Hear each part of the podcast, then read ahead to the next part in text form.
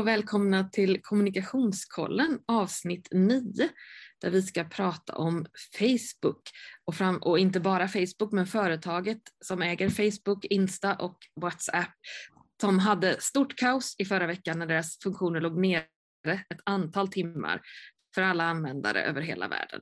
Vad berodde det här på och vad handlar det om eh, och hur ska man hantera det som kommunikatör? Det ska vi prata om idag. Det blev en lång introduktion, men vi som ska prata om det, vi är Sofia Stenfeldt och Peggy Billefelt. Ja. Och det här... Vi jobbar på företaget Klok. Mm. Så välkomna till idag. Ska vi säga något mer om oss Peggy innan vi drar igång med själva ämnet? Ja, alltså både du och jag jobbar ju väldigt mycket med sociala medier. Du är lite mer strategiskt eh, och jag jobbar lite ja, med annonsering bland annat. Så det är jättespännande. Ja, det här är en väldigt stor del av vår arbetsvardag, sociala medier och vi, vi utbildar också i det och vi får alltid jättemycket frågor om det. Och det, det är ju spännande för de här apparna med Facebook och Instagram och WhatsApp som nu liksom är Facebook som äger alltihop. De har ju en väldigt stor påverkan på världen och man kan inte bara strunta i dem. Eh, men det är ju privata företag. Precis.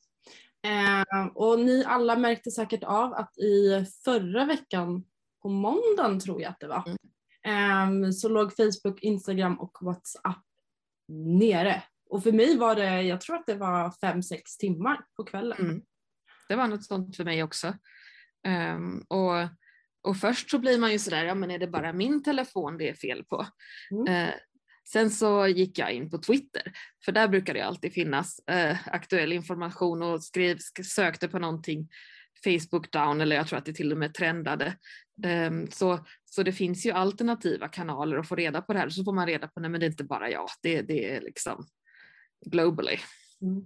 Men eh, det är ju skrämmande hur mycket det påverkar en för att jag eh, ville få kontakt med en, en vän till mig och jag kunde inte skriva på Instagram eller Facebook eller Facebook Messenger. Sen pratade vi en del på WhatsApp och där kunde jag inte heller få tag på personen.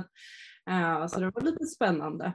Ja men verkligen, man, man kanske ska sprida sina risker i sina vänskapskontakter. Jag har ju ganska många vänner numera vars telefonnummer jag inte har eller så som jag hit, skriver på i de här, till i de här sammanhangen. Vad, vad skulle hända med mitt sociala liv om? Mm. Ja, eh, intressant. Ska jag, ska jag börja med Twitter igen eller ska jag skaffa folks personnummer?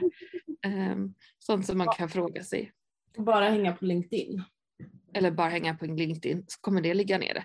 Och det, det var inte så att det bara låg lite nere utan det låg ju tok nere. Vi har fått rapporter från, från Facebooks eh, kontor där man kunnat läsa i tidningen att deras passerkort inte funkade, att de inte kunde ta sig in i deras interna system, liksom att de så här, fick skicka folk och dra ur sladdar typ för att få igång det här rent fysiskt så. Så det låg ju verkligen eh, ordentligt nere. Mm. Men varför? Vad berodde det här på? Här finns det lite teorier. Ja. Um, det var ju så att i förra veckan, var det i måndags? Det var samma dag. Samma dag.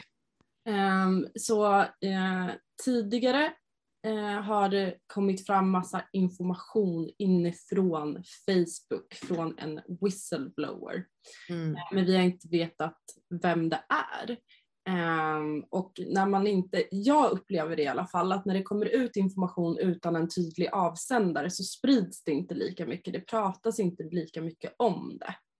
Ja. Nej, för man vet ju inte, man tror, att bedöma trovärdigheten handlar ju också delvis om vem som har står bakom det här och är det någon, eller är det någon som bara hittat på och slänger ut det här och så. Men man vill ha en tydlig källa för att det ska vara trovärdigt. Precis, och, och jag har jobbat som reporter tidigare. Vi skriver inte lika mycket om saker när vi inte har en... För att även om... Ofta som reporter vet man vem det är, men det är ingenting man kan gå ut med i sådana här fall. Mm. Eh, och man vet att det kommer inte ta, tas emot på samma sätt, så att man skriver inte om det heller eh, lika mycket. Eh, för det handlar ju om det här med trovärdighet och så. Eh, men det, den informationen som kom ut handlar väl i grunden om att eh, Facebook inte gör sitt bästa eh, med att rensa innehåll från sina plattformar. Innehåll som är skadligt för oss. Mm. Um, Både det att de liksom inte rensar innehåll men också att deras algoritmer som ju bygger på att vi får se sånt vi gillar gör att, risker, att vi riskerar om, att dras längre och längre ner i liksom extremistträsken och bara se att om jag börjar titta på några som säger att älgar kan flyga och grisarna håller på att ta över världen liksom, så riskerar jag att få mer och mer sånt tills allt jag ser handlar om det där. Precis. Um, så det handlar ju dels om att, um, för tidigare har man pratat ganska mycket om filterbubblan, att man bara ser innehåll som är mm. relevant för en själv, så man exponerar sig inte så mycket för uh, andras åsikter och det pratades det ganska mycket om för några år sedan. Uh, mm. Men Facebook har gjort den här ändringen i algoritmen som gör att, som bygger väldigt mycket på engagemang. Uh, vilket gör att vi får upp innehåll som, som eh, som våra vänner har reagerat på. Det behöver inte vara det vi har valt att se utan allt det innehåll vi ser är sånt som man har reagerat på. Så även om det är inom ens egna filterbubbla eh, så är det att vi ser innehåll som är starkt. Så det är, ja. Och det som är starkast är ofta sånt som eh, vi reagerar negativt på. Ja, sånt som gör oss rädda, arga, eh, frustrerade, då reagerar vi, då kommenterar vi, då skriver vi, då delar vi och säger då har ni sett det här också. Um, och, och sånt. Och det gör ju att de som postar på Facebook vet att för att jag ska få stor spridning så ska jag spetsa till saker. Uh, och det här är ju inget konstigt, jag menar har man tittat på löpsedlar de senaste hundra åren så vet man att det är tillspetsat där också. Uh, men det är liksom att det förstärks så att, man, att det här blir så stor del av det man ser. Och med löpsedeln så ska det förhoppningsvis finnas en artikel bakom som, som är lite mer nyanserad, men det kanske det inte finns här. Och, och, väldigt intressant i den här informationen som har, har kommit fram är ju att eh, politiker i Europa har flaggat eh, ganska tidigt, redan i 2018, av att så här, vi behöver spetsa till våran kommunikation, vi behöver vara aggressivare mot våra väljare och också lyfta de frågor som är mer provocerande för att kunna nå ut med våra budskap på sociala medier. Att de också flaggar för att vi behöver bli mer och mer extrema i vår politik och i vår kommunikation för att nå ut till eh, potentiella väljare. Så det, det, är också en mm. politisk mm. fråga. Och det riskerar ju att leda till det som man inom politiken brukar kalla polarisering, det vill säga att, att man inte pratar med varandra utan man blir mer och mer extrem på, på varsin sida istället för att liksom kunna hitta att, ja, men vad, vad har vi eventuellt gemensamt och vad kan vi göra tillsammans och, eh, och det kan riskera att liksom få ett samhälle där man, där man hamnar i väldigt olika läger. Ja, och så här, är man eh, har man inte så jättebra koll på hur, vad, hur man kan bygga upp engagemang långsiktigt med sin mm. målgrupp, då är det ju lätt att man går efter det här som provocerar eller som, som mm. väldigt starka känslor snabbt. Så då kanske det blir så att okej, okay, men istället för att vi gör ett utbildande inlägg eh, och förklarar sakfrågan eh, så kanske vi går ut med ett jättestarkt mm. budskap för att lyfta en diskussion. Mm. Och det kan ju vara mycket sådana här katastrofgrejer då. Mm. Um, och mycket där man presenterar enkla lösningar där man skyller på en viss grupp till exempel. Uh, om bara den eller den gruppen försvinner så kommer allting bli bra liksom. Mm. Uh, istället för att titta på mer komplexa samband och se men vad är det som egentligen skapar det här problemet. Ja, och det här är ju utmaningar som vi stöter på också. Alltså mm. du måste hela tiden få engagemang från målgruppen, alla mm. verksamheter som vi jobbar med. Eh, och, och, engagemang är ju härligt, vi vill ju ha engagemang, vi vill ju prata med målgruppen. Eh, mm. Men det är att algoritmen är så himla stark. Mm. Och det som då hände förra måndagen var ju att eh, eh den här källan som vi nu har pratat om, som, kom, som berättade om allt det här och berättade också om att internt på Facebook har de gjort en massa forskning som säger att det här kan vara skadligt, men de väljer ändå att liksom eh, inte, inte, gå, inte ändra sig så mycket, för det här gör ju att ju argare folk blir eller mer engagerade, om det blir de i det här de här katastrofgrejerna, då stannar de ju längre på Facebook och ser mer annonser, så det finns ju liksom en konflikt här mellan, eh, det ekonomiska intresset för Facebook och eventuellt ta samhällsansvar. Eh, och eh, hon som, eh, som var källan eh, visade sig vara eh, Frances Haugens som har jobbat väldigt högt upp på Facebook. Och i måndag så släpptes det då en intervju med henne med CBS, i måndags förra veckan, så släpptes det en intervju med henne med CBS 60 minutes där hon liksom förklarar allt det här. Och det visar sig att det är, henne, det är hon som säger det, så det är inte någon random vaktmästare. Och hon kan liksom berätta väldigt bra om allt det här. Och det var då, den släpptes samtidigt som då Facebook går ner och ligger nere i ett antal timmar. Mm. Coincidence? Mm. Coincidence? Coincidence eller inte? Ja, det kan man ju inte veta, men det har naturligtvis varit en hel del som tänker att så här, var det här ett, var det ett tekniskt strul som Facebook hade eller var det ett försök att mörklägga det här? Ja, och det finns ju tre tydliga fördelar med att Instagram, Facebook och WhatsApp låg nere under samma, just den här dagen. Det är dels att eh, vi, in, vi kan ju inte sprida information från, alltså vi kan inte prata om det som sändes på samma sätt. Vi kan inte använda Instagram och Facebook och WhatsApp för att dela den här intervjun och sprida den i våra sociala medier. Mm. På samma sätt. Eh, sen är det att med, alltså, uppmärksamheten från media riktades åt ett annat håll. Det skrevs mm. väldigt mycket om att det låg nere. Mm. Eh, och sen har vi också just det här med att det har påverkat även de som jobbar på Facebook. Mm. De kunde inte heller liksom sitta i fikarummet och prata om såg du det här inslaget eller skriva till varandra på sina interna kanaler utan de fick bara hålla på och krisjobba. Mm. Mm. Så vi, har ju, vi vet ju inte om det här var, var en, en eh, mörkläggningsoperation eller om det var ett vanligt, alldeles vanligt tekniskt fel. Det som kanske talar för att det var ett tekniskt fel är ju att tjänsten Slack verkar ha haft lite liknande problem några dagar innan och låg också nere. De låg nere nästan ett dygn tror jag, eller kanske till och med längre. Um, och jag vet inte, vad tror du Peggy? Jag vet inte. Alltså om det skulle vara så att det var en mörkläggning så är det ju väldigt smart. Ja, väldigt snyggt gjort. Det, är ju, det kan, alltså oavsett, jag tycker inte att det är en bra grej, det måste jag ändå säga. Men det är ju väldigt smart. För att eh, jag har inte hört knappt någonting om den här intervjun. Nej, inte, inte jag heller. Så jag tycker de, ja, oavsett om det var en slump eller inte så, så blev ju effekten blev ju att det här verkligen försvann, som ju ändå är en ganska stor grej för, för vad det visar är ju verkligen att alltså det, det finns de som har jämfört det här med eh, med tobaksbolagen, tobaksbolagen som jättelänge hävdade att de inte visste om att rökning var farligt, men sen så Sen så kom det fram att de liksom hade haft jättelänge massa forskning på det som de hade mörkat liksom för de ville sälja cigaretter. Mm. Eh, och här då liksom så har Facebook hävdat att nej men vi är bara vi är bara bra för demokratin, bring people together och få folk att prata. Och så visar det sig nu att ja, nej, men så enkelt är det inte. Ni väljer också lite grann att sätta upp en, en fasad fastän ni delvis vet andra saker.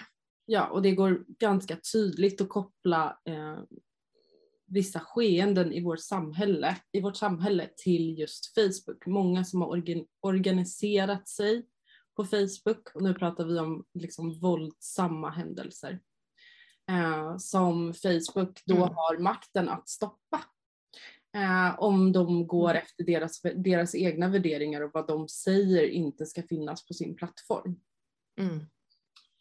Och, och, här är ju en, en, spännande grej som jag såg i morse bara att eh, för, för just eh, nu så pågår det ett eh, en konferens i Malmö till, för att minnas förintelsen och motverka antisemitism. Och då såg jag en nyhet i morse att Youtube eh, är dåliga på att sortera bort antisemitiskt och nazistiskt innehåll trots att det går helt mot deras regler. Däremot är de jättebra på att sortera bort nakenhet och brott mot upphovsrätten. För det är liksom enkelt för deras AI eller, och det är också upphovsrätten ligger mycket pengar i. Eh, men, men det här då som de menar nej men det är mycket svårare att sortera bort eller så är det inte lagt lika mycket fokus på det. Mm. Mm. Och då är det så här, det finns ju vissa begränsningar. Eh, alltså nu, nu, nu kom det ju fram att Facebook har haft en egen avdelning som jobbar med de här frågorna eh, som de har lagt ner så det var ju miss, viss kritik mot eh, själva arbetet de gör med att sortera bort innehåll.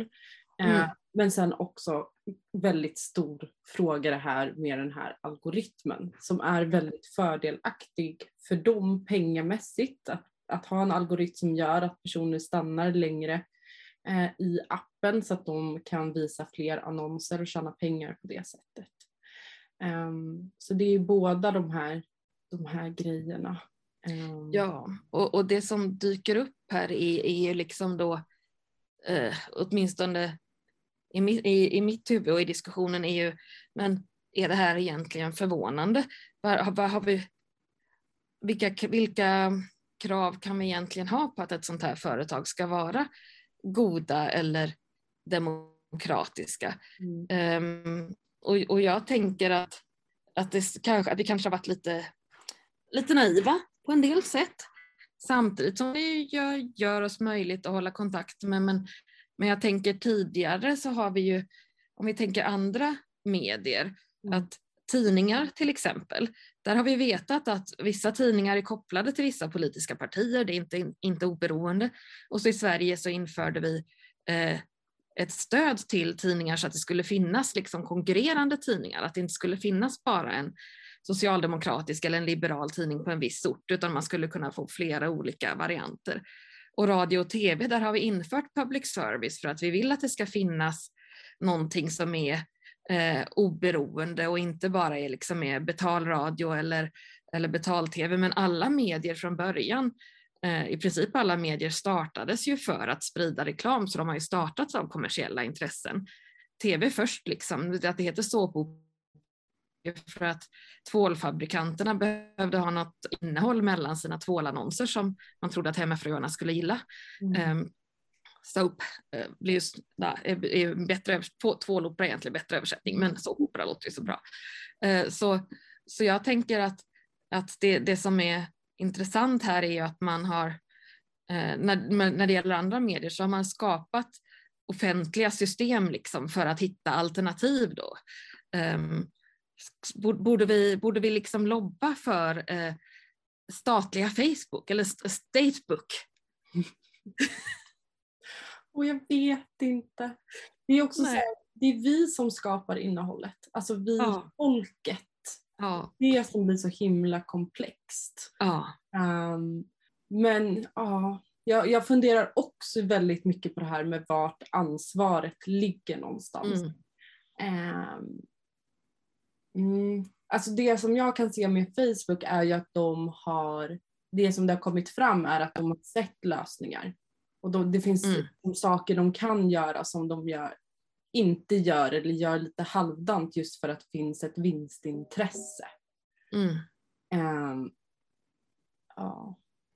Och man kan ju liksom tänka sig, det, kanske kommer det här leda till strängare regler. Um, som lagstiftning i USA om att man måste jobba på ett visst sätt men vi, vi vet ju också att medier brukar vara ganska kreativa med att hitta sätt och finnas kanske på andra marknader eller ja, som TV3 som sände från London för att kunna ha reklam eh, på 90-talet eller piratradiostationerna som sände från båtar. Liksom att, att det finns ofta sätt att, att, att komma runt det här så det är klart att man kan, man kan skapa regler men men det, ja, det är inte så enkelt som det.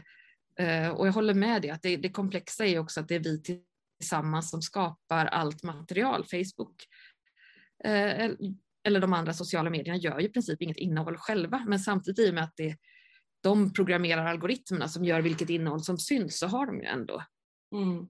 också ett ansvar. Och de har också väldigt så här fina eh, skrivningar om vad som får finnas där och inte som ju absolut inte efterlevs. Mm. Jag tänker också att vi inte får glömma bort att Facebook, alltså de har funnits i sex eller sju år. Nej, längre än så. Jag gick med 2008. Okej. Okay. Ja, nej det är mycket längre i och för sig. Men det är ändå jämfört med ett, ett för, för ett så gigantiskt företag är de väldigt unga. Ja, det är de.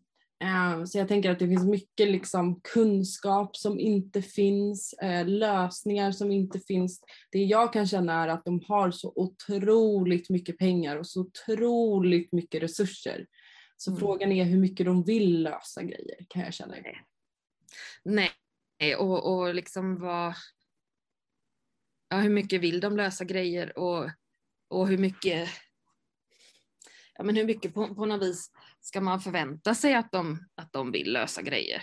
Mm. Ehm, jag tänker kanske att man ska vara lite skeptisk när det kommer sådana jättestora företag och säger massa fina saker om hur, hur bra de vill vara för världen. Mm. Eh, att eh, money talks liksom. Mm. Ja. Jag tänker så här, vi som samhälle har vi inte heller bestämt oss för hur vi vill att de ska vara. Nej, verkligen inte. Verkligen inte, så det är det vi också behöver fundera på. Vad tycker vi? Ja. Mm. Och vill vi, vill vi ha alternativ? Och ibland finns det ju sådana som försöker starta något annat och det är ingenting som har, har slagit hittills. Så det är också lite spännande att man inom ramen för Facebook, även om det då ja, låg nere nu, så kan man ju också, åtminstone till en ganska hög grad, ifrågasätta och kritisera mm. eh, det som plattformen gör. Mm. Um, det ska, mm. det ska bli väldigt intressant för eh, Frances Haugs ska gå vidare med det här nu. Eller jag tror att hon hade något möte med kongressen mm. i veckan. Um, eller sån här, vad heter det? Senate hearing. Du är bättre på amerikanska ja. än vad jag är. Ja men precis, men eh, det är som ett officiellt förhör i, i deras parlament där. De brukar få väldigt stor uppmärksamhet och även om de inte leder till någon lagändring direkt så brukar det göra att saker diskuteras liksom på mm. väldigt hög nivå och på sikt så, så kan det definitivt leda till, till lagändringar. Mm. Jag, eh, jag rekommenderar alla att titta på den här eh, intervjun med henne för att det är mm. väldigt, väldigt intressant. Inte bara liksom vad som har kommit fram för eh, en del av det har man ju i princip vetat lite från början. Mm. Eh, men det är väldigt intressant att se hur Facebook jobbar och man får många bra tankeställare och så.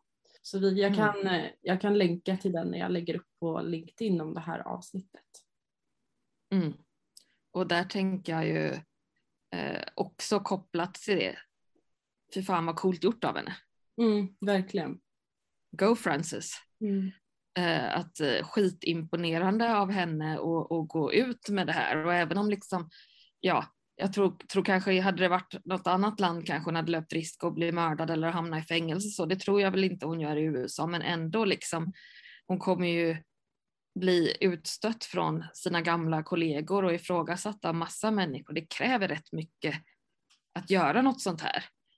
Um, så starkt gjort. Verkligen. Det tackar vi henne för. Mm, det gör vi. Får vi borde hitta på något sätt att skicka lite digitala blommor till henne. Ja, det tycker jag. Mm, undrar om hon, hon har kvar något konto på Insta eller om hon har blivit blockad. Ja, bra fråga. Jag ska kolla upp det sen. Eh, ja, ja. Ja, men eh, jag pratade lite med mina studerande när det här hade hänt. Då hade jag inte riktigt eh, då var jag inte påläst om att det kanske kunde vara en mörkläggning. Eh, men då fick jag en fråga som var eh, okej, okay, men okej, okay, så att våra sociala medier som vi jobbar i, alltså för en verksamhet, kan strula. Mm. Det strular hela tiden. Mm. eh, hur ska man tänka som kommunikatör, digital marknadsförare när, om man har en kanal som man jobbar i på Facebook och så ligger det nere i fem sex timmar. Och det kanske är där man har kundkontakt eller vad, vad det nu än kan vara. Mm.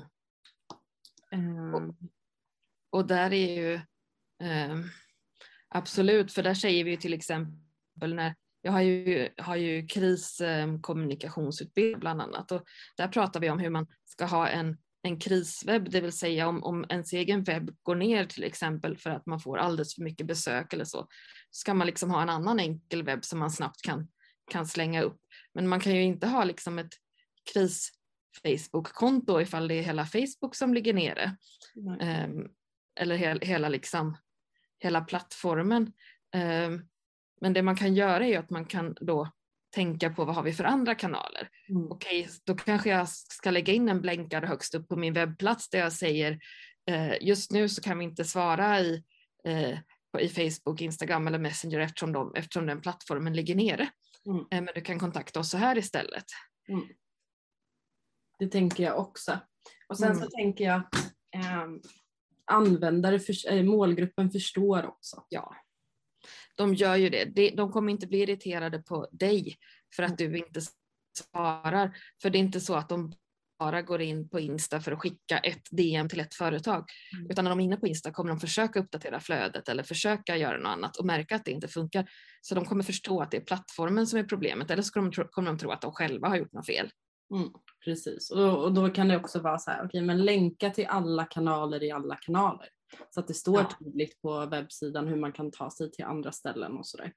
Eh, mm. eller en mailadress, att det finns på olika ställen så att man inte bara har mail via Facebook-sidan och så hittar man inte till, eller webbsidan ligger nere och så finns det ingen mailadress eh, som man har skrivit upp på sin Facebook-sida till exempel. Mm.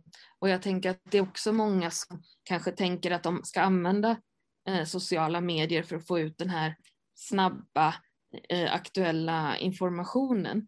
Mm. Eh, men det är inte alltid sociala medier är bäst till det just i och med att algoritmerna gör ju att vi inte ser saker kronologiskt utan vi ser det som får mycket engagemang och så. Här. Så jag, jag ser många många företag och, och, verksamheter som, som lägger ut så här, ja, men idag är växeln stängd eller eh, just nu har vi problem med våra leveranser eller så. Men ett sådant inlägg är ju ganska ointressant för de flesta så det kommer inte få något engagemang så det kommer inte visa sig särskilt mycket. Mm. Så sånt tycker jag är bättre att ha på sin hemsida eller möjligtvis eh, om det är ett stort problem så kan man uppdatera sin, det på sin profilsida och pin, eller pinna ett inlägg om det. Men bara lägga upp det i flödet, det, det, försvinner. det, det försvinner och det sänker ens eh, eh, engagemang för det är inte intressant liksom. Ja, och man kan väl lägga, om, om, om man vet att man har ett nyhetsbrev eller någonting kan man ju mm. få det där också. Har man Twitter, då, då säger jag, där funkar det. Mm. Eh, och där kan, är det ju många, alltså många olika eh, ja, men, datasystem och så. Det finns ju andra som ligger nere ibland som ja, men då, Slack låg nere och för ett tag sedan Notion som vi jobbar i har, ligger också nere någon gång ibland. Alltså där händer ju. Eh, då har ju många av dem har ju, har ju någon form av Twitterkonto som liksom är så här. Det här är vårat eh, eh, support Twitterkonto eller det här är vårat liksom eh, info Twitterkonto där vi lägger upp så här, nu, ja vi jobbar på det och så, vi hoppas kunna så. Så jag tänker Twitter är väl lite mer det sociala mediet som passar för de där snabba uppdateringarna. Mm. Det är också bra, bra tips. Eh, sen så finns det, jag vet att Facebook och Instagram har en supportwebbplats där man kan live se när det är lite olika där kan man se på en karta när Facebook och Instagram ligger nere på lite olika platser. Mm. Också. Då kan man också gå in där och anmäla om man har problem så kan man se man kan se live när, man, när flera stycken över hela landet går in och säger att det är problem. Så till våra kommunikationskollegor så säger vi i de flesta fall is i magen. Ja. Um, och har man någonting man absolut måste nå ut med då, då får man tänka på andra kanaler. Ja, precis. Men det är ju jättebra tänkt det här just att som, som vi märkte med våra kompisar här i början som inte kunde kontakta, att se till att ha fler kanaler och kontaktuppgifter. Vi får börja spara telefonnummer igen så mm. vi har liksom eh, backup-lägen. Eh, för en, till exempel om man, om man jobbar i en krisgrupp, ja men då kan man inte bara ha en chatt, då måste man faktiskt ha telefonlista ja. och kanske till och med att det finns en papperspärm någonstans liksom. Um, jag lyssnade på något avsnitt av det finns en podd som heter P3 Dystopia som pratar om hur olika dystopier som kan hända. Eh, och då finns det ju naturligtvis någon, det här liksom när, när det sker någonting eh, så att hela internet kraschar. Eh, då är vi rökta. Eh, ja, eh, och det är väl kanske, det kan väl säkert hända, men det är väl mer sannolikt att några system ibland ligger nere. Det, det ska vi nog antingen hitta, hitta sätt att känna att det kanske inte gör så mycket eller hitta andra vägar. Ja, och det här med att Facebook och Instagram och WhatsApp låg nere i så här många timmar har jag nog aldrig varit med om tidigare. Nej. så att oftast så är det eh, Sen beror det på vad det är för system men oftast så brukar det lösa sig. Det är ju deras intresse också att lösa det, oftast. Jag vet inte i det här fallet om det var en mörkläggning eller inte men oftast så är det ju deras intresse att få upp det så fort som möjligt. Ja, få upp det någorlunda fort även om det... Mm.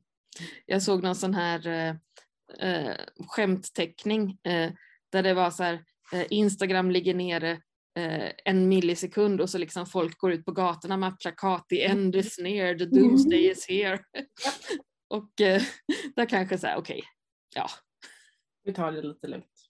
Precis, alla springer och handlar toapapper. Mm.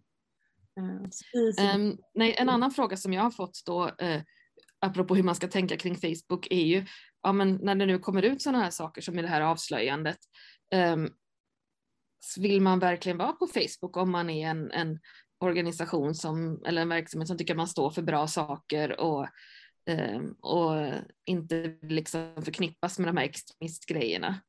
Och och där är väl så här, ja, å, å ena sidan Facebook, ja, vill man stödja det här och vill man liksom lägga sina annonspengar till det här företaget som inte då gör det de kanske skulle göra om de var riktigt schyssta.